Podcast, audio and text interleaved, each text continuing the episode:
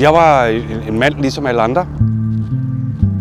Jeg var en aktiv mand på arbejdspladsen. Jeg sad som IT-konsulent, øh, som var meget, meget krævende, meget aktiv, øh, fuldtid og mere til.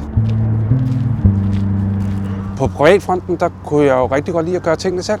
Så sådan noget som køkken, eller have, eller badeværelse, hvis der var noget, der skulle gøres, så gik vi jo bare i gang. Det kan jeg bare ikke længere. Hvert år rammes mange danskere af alvorlig sygdom eller en ulykke, og livet tager en pludselig drejning. Umiddelbart så virker økonomien som det mindst vigtige, men det spiller altså en stor rolle, og det kigger vi nærmere på i denne uges Monitor. Uden det, så havde min, hele min økonomi været fuldstændig smadret. Man kommer ind i et system, som er styret af regler og paragrafer.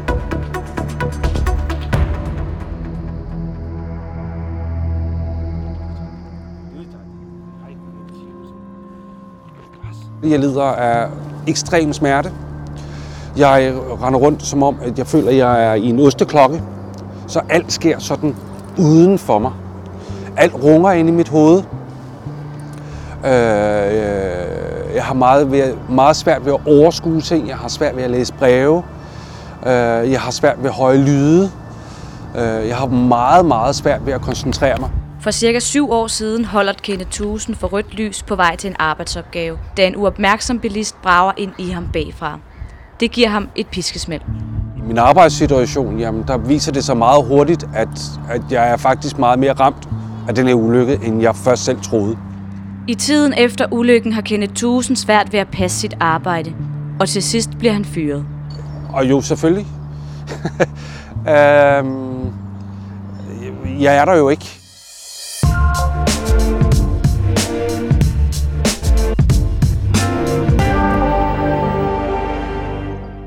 Det kan være svært at passe på sig selv, samtidig med, at man passer sit job.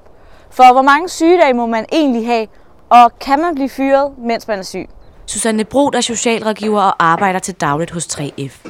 Her har hun hjulpet utallige syge og ulykkesramte. Der er mange, der ikke ved, at når man øh, bliver syg eller kommer ud for en ulykke og får længerevarende sygefravær, at man så rent faktisk får en sag med, med sin kommune. Da Kenneth Thusen blev kontaktet af kommunen, var det vigtigste for ham at få en god dialog fra starten. Jeg lyttede til, hvad de sagde, gjorde, som de bad mig om, samtidig med, at så tænkte jeg på, jamen, hvad er det næste, jeg kunne gøre for at gøre denne her situation bedre? Kommunen de skal blandt andet sikre sig, at man er fuldt uarbejdsdygtig, og efter tre måneder skal de vurdere, om man også er fuldt uarbejdsdygtig i hvert erhverv. Øh, det kan jo godt være i sådan en sag, som, som øh, hvis man har fået et piskesmæld, at der er nogle fysisk krævende ting, man ikke kan, men det kunne godt være, at man kunne nogle andre ting. Altså man er jo altid i en risiko for at, at blive fyret øh, fra sit job. Min erfaring er, at, at øh, der er mange arbejdsgiver, der er meget tålmodige, øh, og, og, og hvad hedder det, så længe de kan se et behandlingsperspektiv, og de kan få driften af virksomheden til at køre. Der er mange, som når de er sygemeldte, gør sig bekymringer om, øh, hvor mange sygedage man må have.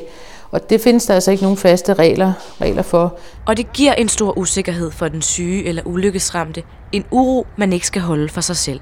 Altså jeg vil til enhver tid anbefale folk at tage kontakt med deres fagforening eller, eller søge råd i deres øh, pensionsforsikringsselskab, hvis de har en rådgiver der.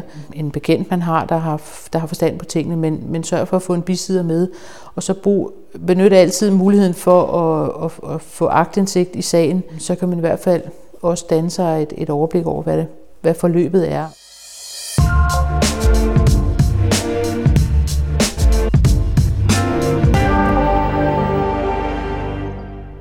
Det er dig selv, som skal kontakte dit forsikrings- og pensionsselskab, hvis du bliver alvorligt syg eller ramt af en ulykke. Men kan man have flere forsikringer på én gang? Og hvad gør man, hvis man ikke er dækket? Anne Sejersen er underdirektør i brancheorganisationen Forsikring og Pension. Med 22 års erfaring har hun stor viden om forsikring og pensionsforhold. Hvis man er blevet alvorligt syg eller har været ude for en ulykke, så skal man kontakte sit forsikringsselskab eller sit pensionsselskab. Man skal høre, om man har ret til en udbetaling. Øh, det kan også være, at de kan hjælpe med behandlingsudgifter eller rådgivning om, hvad du skal gøre. Der er rigtig mange, der ikke interesserer sig særlig meget for deres forsikringer og pensioner, før de har brug for dem. Øh, og derfor er der mange, der ikke har nok viden. Så gå ind på pensionsinfo og se, om du har nogle dækninger der. Kontakt din arbejdsgiver, om de har en forsikring. Måske har du noget forsikring via din fagforening, så spørg om hjælp. Min bror hjalp mig rigtig meget den her, i, i, i den her situation, som støttede mig og hjalp mig med at finde de ord, som jeg, som jeg havde brug for i denne her samtale med pensionsselskabet og forsikringen om, hvad er det så, jeg skulle gøre. Hvis man er blevet syg eller har været ude for en ulykke, og forsikringen ikke dækker, så er der ikke så meget at gøre. Så er det for sent at gøre noget. Derfor er det gode råd, at man sørger for at tjekke, at de dækker, inden ulykken eller sygdommen indtræffer. Der er en forsikring, der træder i kraft. Øh, skulle man gå hen og blive enten invalideret eller langtidssygemeldt. Øh, det har jo hjulpet mig i min situation økonomisk. Uden det, så havde min, hele min økonomi været fuldstændig smadret.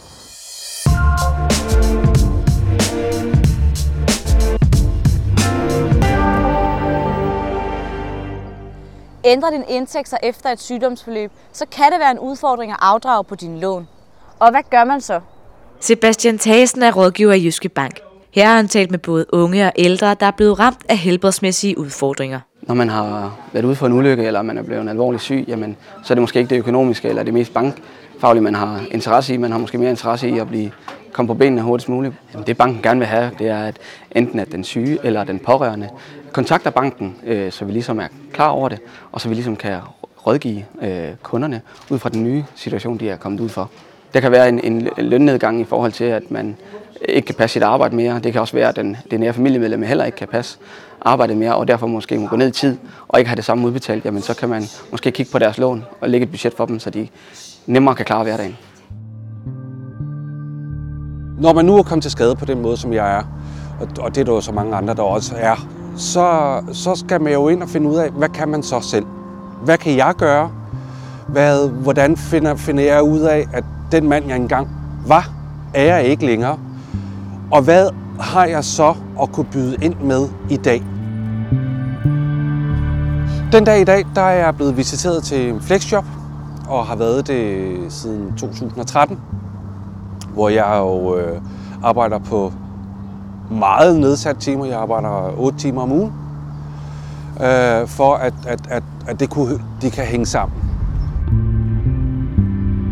Man skal nok ikke være for stolt til at sige, jeg kan have brug for noget hjælp.